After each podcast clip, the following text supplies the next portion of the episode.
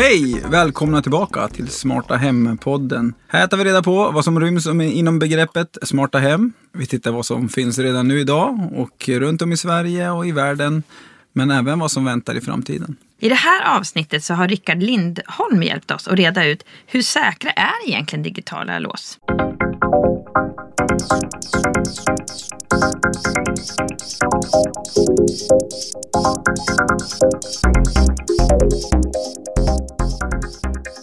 Vi som är värdar för podden heter Malin Hansdotter och Robert Bäckström. Vi arbetar båda till vardags på Stångåstaden. Det är Linköpings största bostadsbolag. I varje avsnitt har vi med en reporter som dyker ner i ett ämne för att ge oss en bättre bild av hur det ser ut.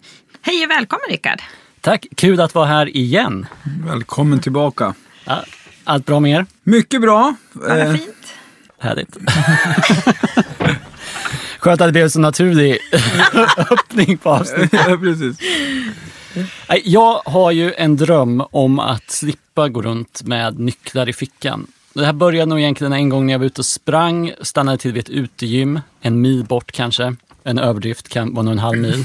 Och sen glömde jag nycklarna där. Spra- han springa tillbaks, inte komma in innan jag fick vända och, åka till, och springa tillbaks då till utegymmet.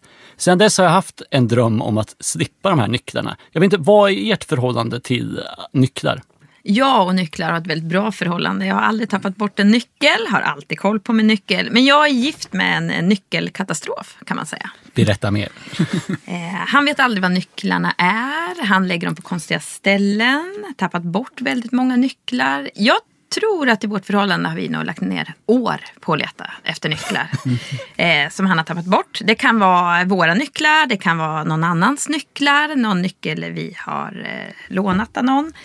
Han kan lägga dem på de mest konstiga ställen. Senast eh, var när vi skulle plocka undan någonting i, hemifrån som skulle till stugan. Då stoppade han ner nycklarna där i, knöt åt och så la vi det på hyllan när vi kom till stugan. Det var en slump att vi hittade dem kan jag säga. Men är det så att ni har matutgifter, när ni gör hushållsbudgeten, är det matutgifter och sen är det låsmed? Är de två största? Nej men jag har alltid koll på min nyckel. Så jag kommer och, och reder upp. Ja, Ja. Du fixar. Jag fixar. Men eh, digitalt lås för er då?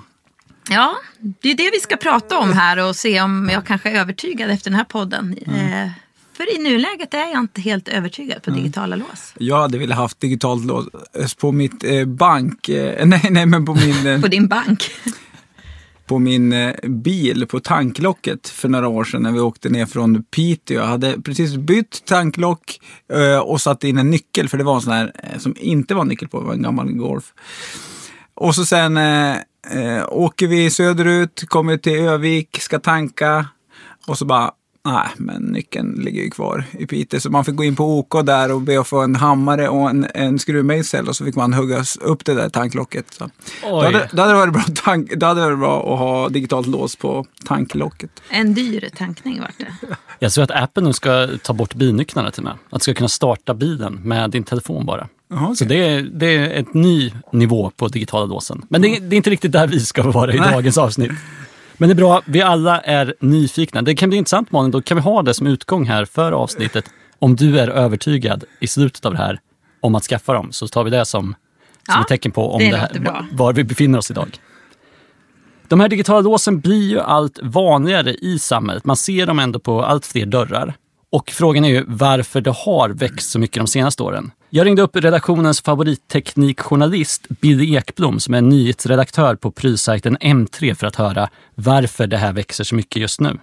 Bakgrunden till att de har blivit populära är ju för att de likt alla andra uppkopplade hemmaprylar löser tidsproblemet och bekvämlighetsproblemet. Alltså det, det förenklar våra liv på något sätt. Till exempel då så kan man ju, de flesta av de här låsen, det beror ju lite på vilken uppkoppling de har, vilket protokoll de använder, men, men de kan ju kontrolleras från distans ofta. Så eh, är du inte hemma så kan du släppa in eh, någon du litar på i alla fall. Om det så är för att vattna blommorna eller för att hämta posten eller eh, hämta någonting du hade glömt.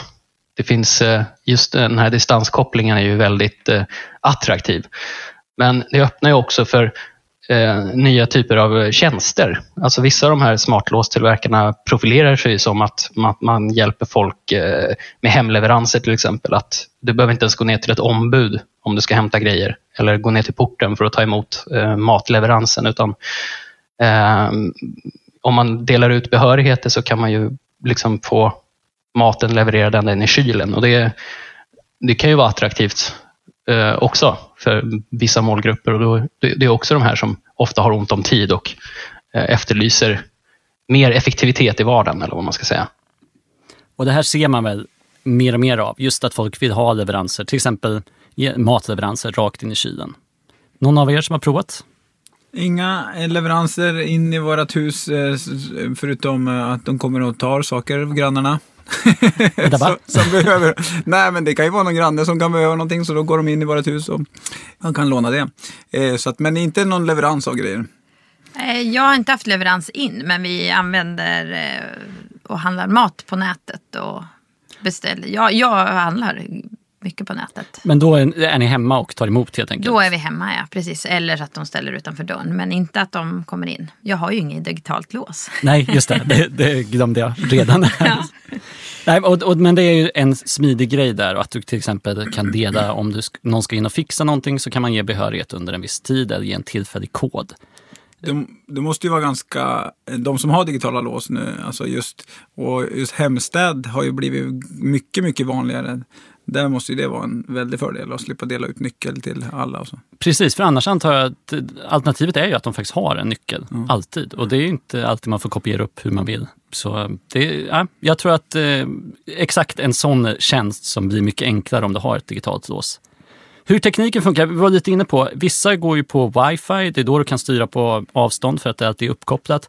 En del går ju på bluetooth och att du kanske måste ha någonting nära. Eller så finns det andra tekniker som också gör att du kan läsa av brickor och sånt. Men vi tar, Bilder kan förklara lite mer med tekniken, skillnaderna här. Ja, eh, de här digitala låsen kan kontrolleras på flera olika sätt. Eh, och det finns ju också olika varianter. Vissa, vissa av de här låsen är ju som kompletta låshus som du måste göra ett ganska rejält ingrepp i dörren för att det ska funka. Och då på utsidan så kan du få en koddosa till exempel och en eh, eh NFC-läsare, alltså så du kan blippa, eh, eller RFID, så du kan låsa upp med blipp också, alltså antingen om du blippar en tagg eller om du använder din telefon. Eh, och Sen finns det den här andra varianten som är mer av ett eh, låsvred som du sätter på insidan över ditt befintliga eh, låsvred som alltså är motoriserat och eh, pratar trådlöst med vilken styrenhet du nu använder för att på så sätt låsa eller låsa upp. Precis, det är en skillnad där och den vanligaste, den som syns mest är ju den som sitter på utsidan. Där man ser en kodplatta och liknande. Men jag tror också att den är ganska vanlig, den som du bara sätter egentligen över den här man vrider på annars. Och så går det att låsa upp då genom mobilen till exempel. Mm. Det är ju en kostnad, kostnadsskillnad där också och eh, installationssvårigheten är ju väldigt, eh, den är väldigt enkel att sätta in den som man sätter på insidan, över vredet bara. Exakt, och den andra kräver ju i stort sett att du byter ut. Ja. Och, och har gör... de samma säkerhetsnivå eller? Vi vi kommer till kommer det. in på ja. säkerhet. Ja, men det, det, det, är som du, det är dumt. Alltså, man, när man pratar smarta hem så kan vi prata mycket design och lite hur användarvänligt det är när vi pratar digitala lås, det är ju säkerhet egentligen som är det viktigaste. Ja. För att man vill att låset ska vara säkert. Och eh, som tur är i Sverige så har vi folk som tittar på det här. Vi pratade med en annan vän här. Jag heter Mats Moberg och jag ansvarar för normer, standarder och förlag på Svenska Stöldskyddsföreningen. För er som behöver uppdatera era kunskaper om just Stöldskyddsföreningen så är det en förening som sedan 1934 arbetat med säkerhetsfrågor.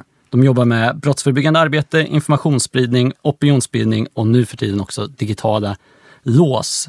Vi kan höra hur länge de har hållit på med den. Ja, när det började dyka upp Eh, mitten 2005 någonting så började det på att diskuteras och sen dess så har vi haft ögonen på det så att säga och nu senaste eh, fem sex åren så har vi också fått fram normer och standarder för de här produkterna. Det viktiga här är att eh, Stöldskyddsföreningen jobbar med normer och standarder. Det är inte de som testar grejerna utan det görs i laboratorier av riktiga proffs. Och eh, vi lyssnar nu, för det är det jag var inne på här nu. Hur säkra är de? Kan vi få höra lite skillnaden mellan olika typer av lås, eller framförallt olika typer av tillverkare. Ja, om det kommer från en känd och seriös tillverkare så är det oftast, för där har man den, de mekaniska kunskaperna har man haft i 50-60 år och så har man tillfört det digitala elektroniska.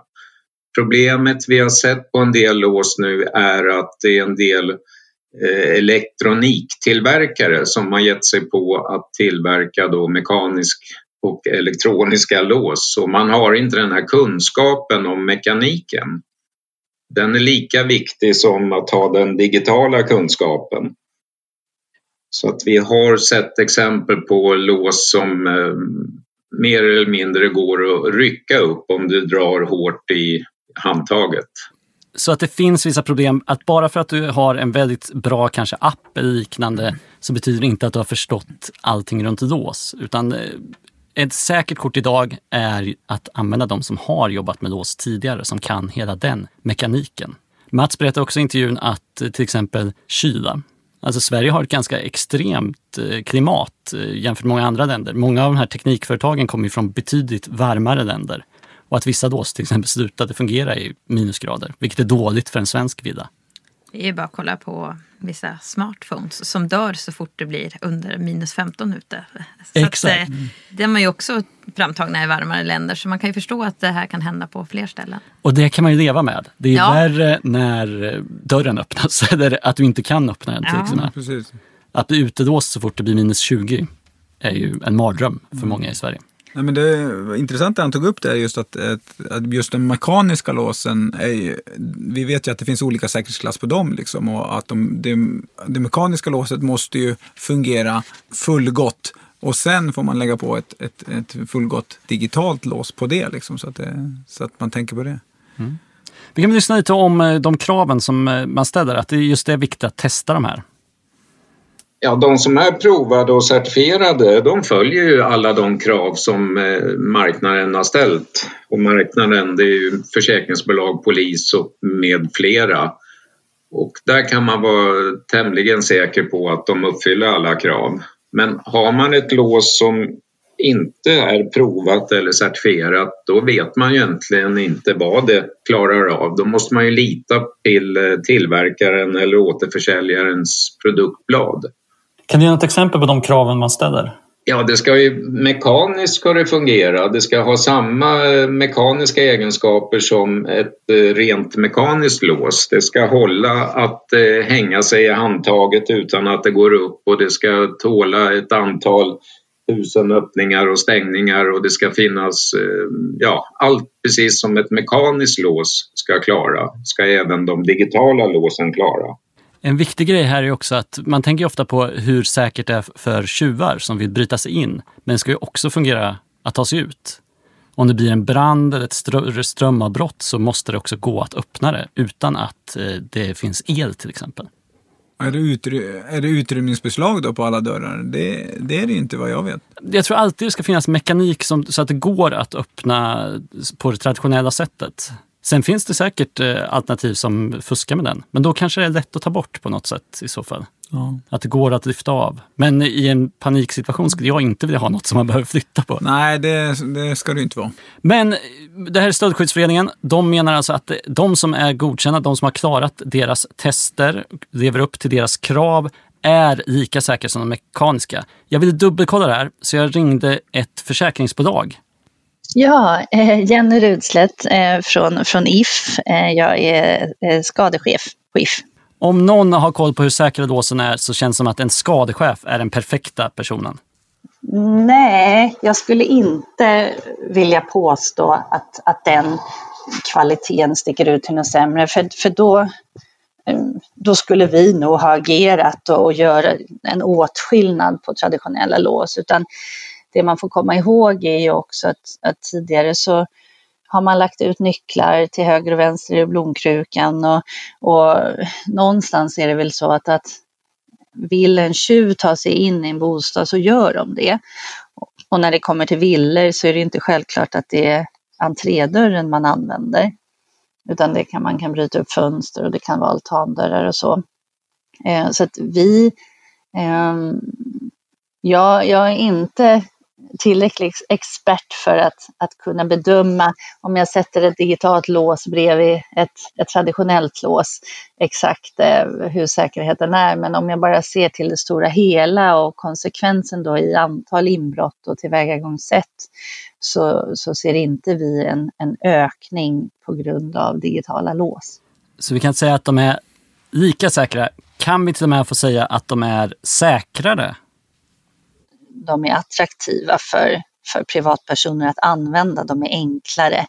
Och, eh, och, och sett det då kanske i paritet till att man hade nyckeln i blomkrukan. Eh, så, så kanske de är säkrare så. Då. Men, men det gäller ju här att, att ja, men med hackning och med allt, att, att de låstillverkarna ligger långt före. Eh, för att de inte ska vara allt för enkla att, att hacka och, och bryta, bryta. Då.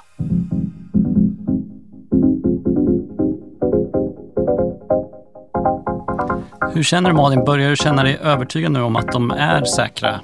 Nej. Jag tänker att man har ju lyckats att hacka sig in i det här med att man står på en parkering, tar reda på hur man tar sig in i alla, alla bilar och står och tar in signaler och Precis, störningsgrejer. Ja, och det borde ju liksom... Det går, ja, jag är, jag är lite skeptisk. Sommarstugan, där skulle jag kunna tänka mig att skaffa det. Det är väl där det är vanligast med inbrott nästan? Ja, men där hyr vi eh, ut till Airbnb när vi inte är där. Och då tänker jag där skulle det vara supersmidigt att de fick en kod istället för att vi ska tala om var nyckeln finns och såna här grejer. Då ser jag mer en praktisk funktion.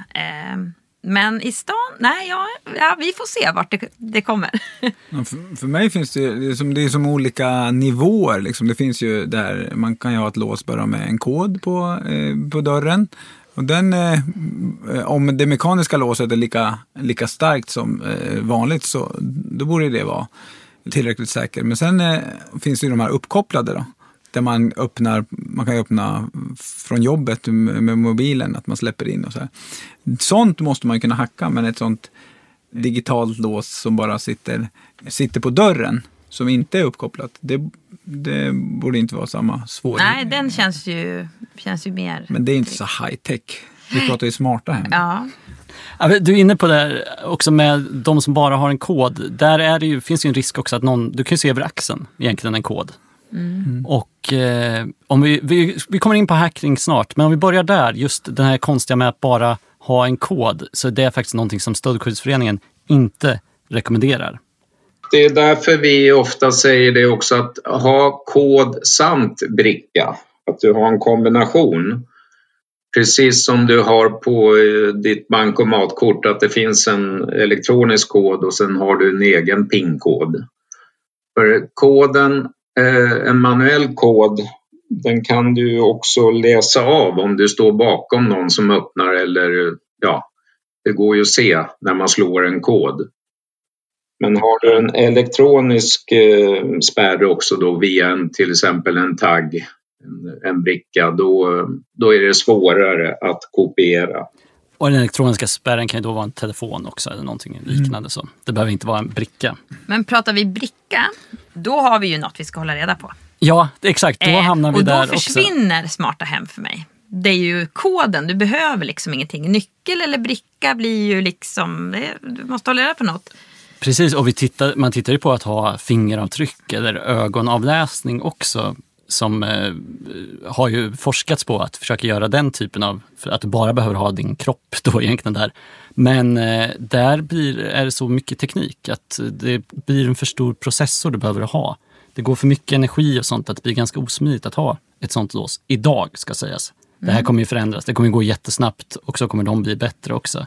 Men jag har förstått att eh, till exempel fingeravtrycksläsning idag är så få mätpunkter att det inte bedöms särskilt säkert att ha den typen av lås. Så att det säkraste är egentligen att du har någonting fysiskt. Är det att du har en tidsbegränsad kod, till exempel om du ska lämna ut till andra personer då att eh, den bara gäller under en viss tid. Men annars att du har någon slags tvåvägsautentisering. Men med, med tanke på din man där så, så spelar det ju inte så stor roll då? Nej, för han kommer ju tappa bort brickan. så att, eh, ja. Mm. Han kanske kan ha ett special då med bara koden. Det finns säkert sådana barn barnmoduler då som som vi kan sätta in. Du får dela tillfälliga koder med honom hela tiden. Ja, nu vill jag komma in. Vi, som vanligt i den här podden så blir vi ofta väldigt positiva till tekniska lösningar. Men det finns faktiskt en typ av inbrott som ökar med den här typen av digitala lås. inbrott som, som är spårlösa så att säga. Där, vi inte, där man inte kan se tecken på att dörren har brutits upp eller, eller andra tillvägagångssätt. Utan ehm, man har helt enkelt haft någon i hemmet och vi vet inte hur de har kommit in. Och den, den delen är ju komplex. Det som blir svårt för oss och för kunden och, och här får ju vi, eh, det är klart att, att vi försöker eh, sätta oss in i kundens situation men där de kan kan min, vill minnas att de har låst dörren men, men vi ser inga tecken på inbrott och, och då, eh, det är många gånger där vi där det är väldigt troligt att kunden är trovärdig i sin berättelse att, att det har skett ett inbrott och, och att, att de är säkra på att de låste men, men ändå så, så ser man inga tecken och då är frågan, har den varit låst eller har de då hackat det här låset på något sätt? Om de har haft en störningssignal eller, eller eh, hur de egentligen har tagits in. Den, det stöter vi på och det är ju det är ett problem. Och det försäkringsbolagen egentligen efterlyser där är att man ska ha lättare att komma åt så att du kan se att den här tiden låstes det, sen var du på jobbet och det låstes upp här utan att någon egentligen har varit där. Eller att det aldrig låstes. Att det kanske var en störningssignal eller liknande. Vi har också varit inne på hacking och se om det finns några sådana risk. För det är en av de grejerna som just Mats Moberg på Stöldskyddsföreningen har tittat på. Så vi kan höra vad han säger om hacking. Men är de certifierade och provade, då ska det inte vara någon risk. Men sen bör man ju också se till att eh, hemnätverket kanske man ska segmentera som vi säger då. Att inte ha tandborsten och vågen på samma nätverk som man har låset och så vidare. Det finns ju den risken att eh, hackaren kan använda smart-tvn eller tandborsten för att komma åt övriga produkter i hemmet eller annan information. Det är alltid den här tandborsten, Ja, nu- vet man ju vid smarta hem. Nu börjar vi snacka. En smart tandborste. Det vore ju perfekt för barnen. Slipper, de, eh, slipper man tjata om det. Ja. Det finns, som du kan ha koll på vad du har gjort och så. Jaha. Kan mäta. Frågan är om inte våra barn är så digitalt smarta så de kommer på hur de ska hacka den där för att komma runt. Storebror kör på lillebror.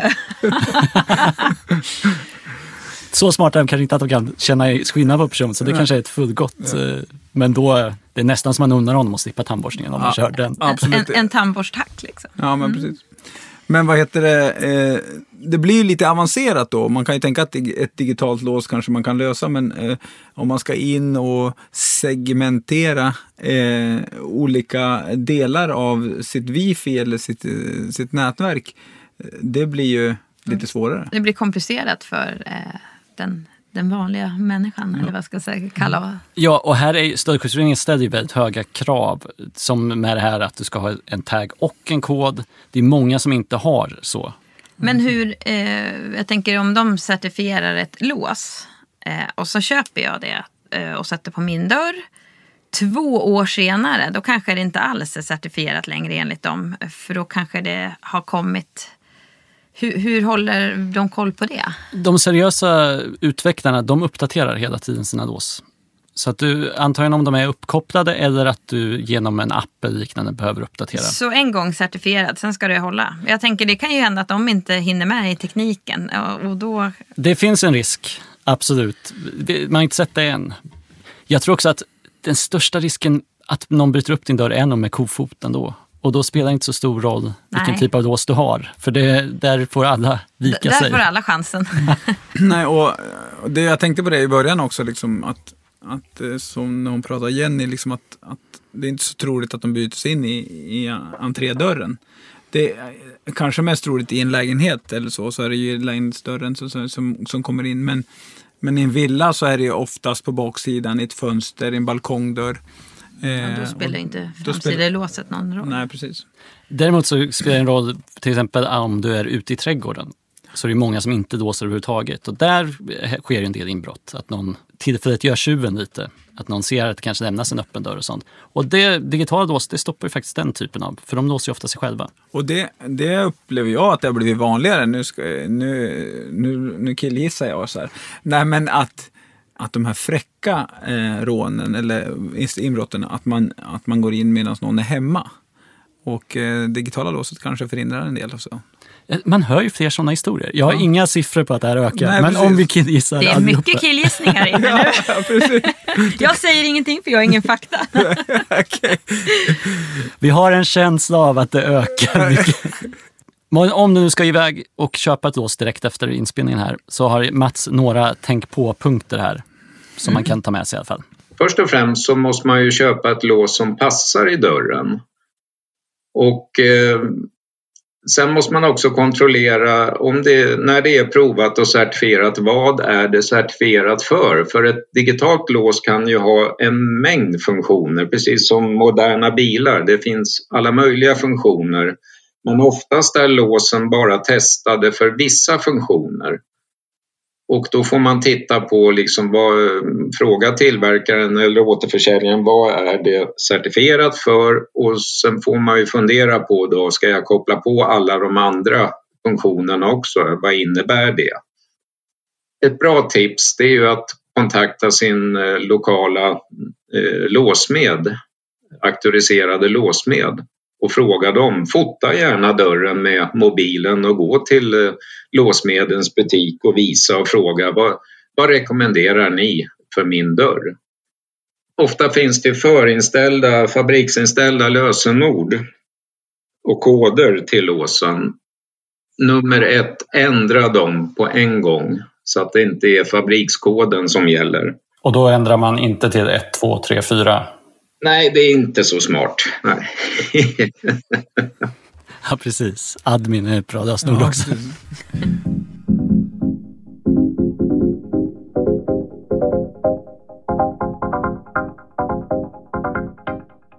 Så även om Malin fortfarande ser lite tveksam ut så enligt experterna så är de digitala låsen minst lika säkra.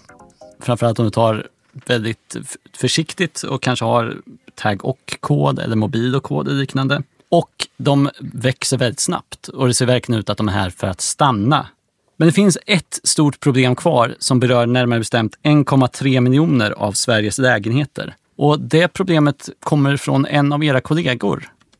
Ja, eh, jag heter Peter Jonsson och jobbar på Stångåstaden som HR-strateg. Peter jobbar väldigt mycket med entreprenörerna också som kanske är inne och fixar en elcentral, fixar en hiss eller liknande. Och där behöver man ju behörighet till olika utrymmen. Han kan bara berätta lite om hur det ser ut idag för honom. Och sen så om du behöver in i en elcentral så kommer du till oss och säger hej, jag behöver access till den här dörren för att kunna utföra det här jobbet och så får, letar vi rätt på vilken fysiska nyckel du behöver och så får du låna den.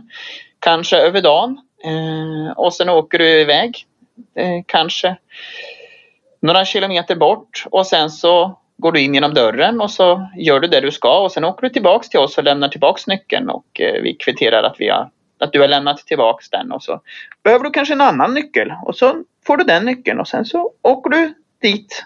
Du ska göra nästa jobb. Och sen håller vi på så. Och det finns lås som eh, kan lösa det här. Det här är inte något som är helt olösbart. Men det Peter och Stångåstaden har tittat efter är ju någonting som skulle funka för alla. Att det inte skulle behöva vara olika lösningar på till exempel tvättstugan, på entrédörren och på lägenhetsdörren. Utan man vill ha någonting som faktiskt täcker in allt, som skulle funka för alla inblandade. Och där är det svårt att hitta någonting idag. Man har inte riktigt tittat på hyresrätterna i Sverige. Och jag trodde nog att det skulle finnas lite olika produkter att välja mellan men så enkelt är det ju inte. Jag tycker att man hela tiden stöter på problem och jag förundras över att över att så få leverantörer har tänkt på eh, stora fastighetsägare. Tittar man på Yale Dorman till exempel som ju är byggt för en villa så så, ehm, så har man ju liksom byggt det utifrån en villaägare. Man har inte byggt det utifrån en stor fastighetsägare utan det är kunden som äger låset och eftersom vi äger lägenheten så kan ju kunden fullt ut inte äga låset.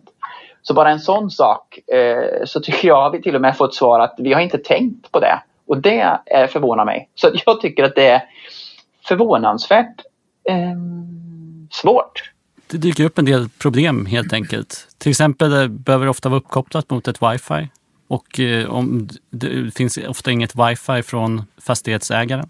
Och om det, inte kunden ska äga låset, och då kan de inte koppla upp det mot sitt eget wifi heller helt enkelt. Så där har digitala låsen en jätteutmaning att lösa fortfarande. Ja, och det finns ju enorm marknad där för de eh, tillverkarna. Så det, man tycker att de borde visa ett, ett större intresse. Och eh, det finns ju, eh, finns ju ett stort intresse från eh, eh, fast, stora fastighetsägare som har mycket lägenheter att få en, en bättre bättre ordning och koll på, på, på den här frågan. Så det, det tycker man ju är underligt att de inte jobbar på mer. Ja, och det är ju det är en miljöaspekt i det här också. Att våra entreprenörer åker fram och tillbaks med bil till, till vår reception och hämtar och lämnar nycklar. De skulle kunna vara ute på jobb hela dagen och åka mellan jobben istället. Eh, den tycker jag också är viktig att, att ta in. Att det är inte bara enkelheten, vi har miljön att tänka på också. Ja, precis. Det ska vara en hållbar produkt som vi levererar så att säga. Mm. Mm där blir det ganska tydligt att det här befinner sig lite i sin linda fortfarande. Att det kanske inte finns någon helhetslösning på marknaden idag. Och framtiden beror mycket på hur eh, snabbt man då kan hitta en säker lösning som går att använda, som blir mer flexibel för olika typer av fastighetsägare. Oavsett om det är villa eller om du äger ett stort hus med flera lägenheter. Och sen eh, Malin, du får en vän här i Billy som har lite samma problem som du med de här digitala låsen? Faktiskt innan eh, intervjun här så kollade jag hur, hur, länge har vi använt de här traditionella analoga låsen egentligen? Och då kan man se att eh, det finns liksom spår från flera tusen år tillbaks på analoga lås och hur de har använts i olika samhällen och sådär. Och steget till de här digitala låsen, ser man på det sättet så är det ett, ett enormt teknikskifte. Och det är inte som att eh, bara installera några wifi-uppkopplade glödlampor hemma utan när det kommer till just lås så, så är det ju någonting som man verkligen, verkligen måste kunna känna att man litar på. Jag som, som ändå skriver och bevakar de här eh, teknikområdena någonstans har en liten traditionalist som bor i mig. Eh, inte ens jag hoppar på det här tåget direkt utan det finns en skepsis hos mig också. Och ja, som sagt, det blir den stora utmaningen tror jag för aktörerna att eh, lösa. Att eh, gå, dra i krig mot alla traditionalister där ute och, och liksom omvända dem på något sätt om de vill eh, lyckas med det här på, på bred front så att säga. Så de behöver gå i krig mot dig Malin för att omvända dig? Nej, vi ska väl inte gå så långt kanske, men eh, jag kan också känna när vi pratar om, om att ha ett digitalt lås så ska det ju vara den här enkelheten och slippa någonting. Ska jag också ha en tagg då blev det lite mer motstånd i alla fall. Kan du gå med på att ha mobilen? Jo, men har den laddat ur då kommer jag inte in. Nej, det finns ju, det finns ju problem alltså. Och, eh, och något som jag funderar på, något som jag hör de som har digitala lås, och det de använder det mest till är ju att, att de har koll på barnen. Ja, för alltså, in och ut. Ja, nu, nu, nu gick Lisa in och nu gick eh, Per ut eh, och nu, nu är han hemma. Eh, alltså, och det, jag tror inte vi, vi föräldrar gillar det. Vi gillar att ha lite koll. Så att eh, ibland så, så tror jag att det är lite kontrollbehov hos, hos föräldrar. Fast det, den kollen har ju vi via vårt larm. Då ser vi vem som är inne och ute i huset Aha. i appen. Men jag tycker det är intressant just att alltså, hemmet är ju sån, sån kär plats för oss. För att jag menar, de flesta av oss har ju bilar med fjärrkontroll som vi öppnar. Och den går ju att hacka och den går ju att komma in i. Ja, det bryr vi oss kanske inte så mycket av. Och de flesta av oss kanske jobbar på ett eh, kontor eller på en arbetsplats där det är digitalt lås, en, en tagg eller så för att komma in. Ja, det går ju att hacka. Det bryr vi oss inte så mycket om. Att, att vi faktiskt eh, hemmet är så känsligt. Det är som att gå in i själva en själv nästan. Det... Är, det är ju det sista man vill ska hända en. Att någon har tagit sig in i sitt hem och rotat runt och tagit saker. Och... Ja, inte sakerna i sig ska jag inte säga. Det är, det är ändå saker. Men att inte det blir otryggt. Mm. det, hemmet blir en otrygg plats tror jag om man haft någon som har tagit sig in. Och därför är det ju så viktigt att om vi nu ska jobba med digitala lås i framtiden, att det får vara väldigt säkert och så att det känns tryggt. Både för de som bor i villa och de som bor i lägenhet. Det är ju A och O.